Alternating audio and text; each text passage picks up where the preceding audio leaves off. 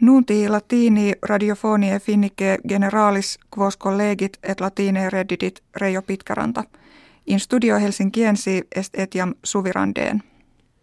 Presidens finnie Sauli Niinistö, cum calendis decembribus diurnariis colloquium per contativum daret, ait se delibera visse quid esset quod terre septentrionales in suffragiis apud nationes unitas hoc anno factis clades acerbissimas acce pissent. Keen soit fieri potuisse ut finni et sveti formas civitatum suarum prosperarum nimis superbe pre se ferrent.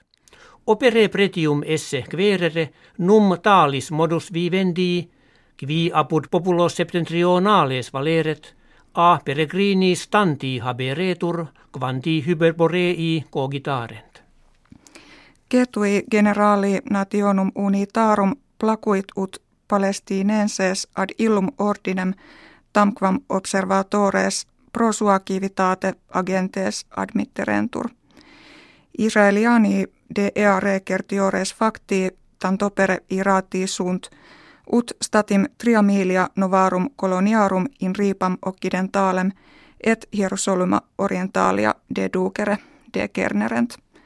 Consilium eorum a civitatibus Americae unitis condemnatum est, cum tale inceptum consultationibus pacis in oriente proximo continuandis parum utile esset. Regimen civitatum Americae unitarum nuntiavit Iranianos usque ad finem mensis martii tempus habere ad dicendum, utrum ordini internationali ab energia atomica revera cooperari vellent necne. Nisi hecon dicio ab eis accepta esset rem ad consilium securitatis nationum unitarum relatum iri. President Slovakie electus est Borut Pahor – pristinus primus minister undequig ginta annos natus. Conciliavit enim sibi suffragiorum sexaginta septem centesimas cum Danilo Tyrk qui rei publice hodie preest nonisi triginta duas centesimas votorum adipisceretur. Abhinc unum annum pahor munus principis ministri propter sententiam de diffidentia relinquere coactus est. Per tussis kve imprimis infantibus periculosissima est, interras occidentales denuo redire videtur. Hoc morbi genus quam quam presertim apud populos egentiores crassatur, etiam in Britannia et in America septentrionali hoc anno ita increbruit, ut numerus infectionum tantus esset, quantus ante quinquaginta annos fuit.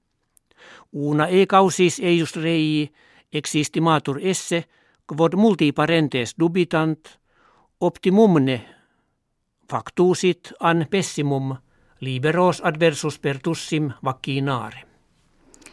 Princeps Britanniae William et conjunx eius Catherine ducissa Cantabrigiensis infantem accipient. Talis nuntius die lune e domo regia cum magna kivium Britannorum letitia divulgatus est. Quando autem principissa vel princeps hereditarius nasciturus sit, nondum publicae constat. Ducissa e nausea gravidarum tantopere laboravisse digitur, ut innosocomium deportanda esset. Hecabui Moskve vobis referemus valete.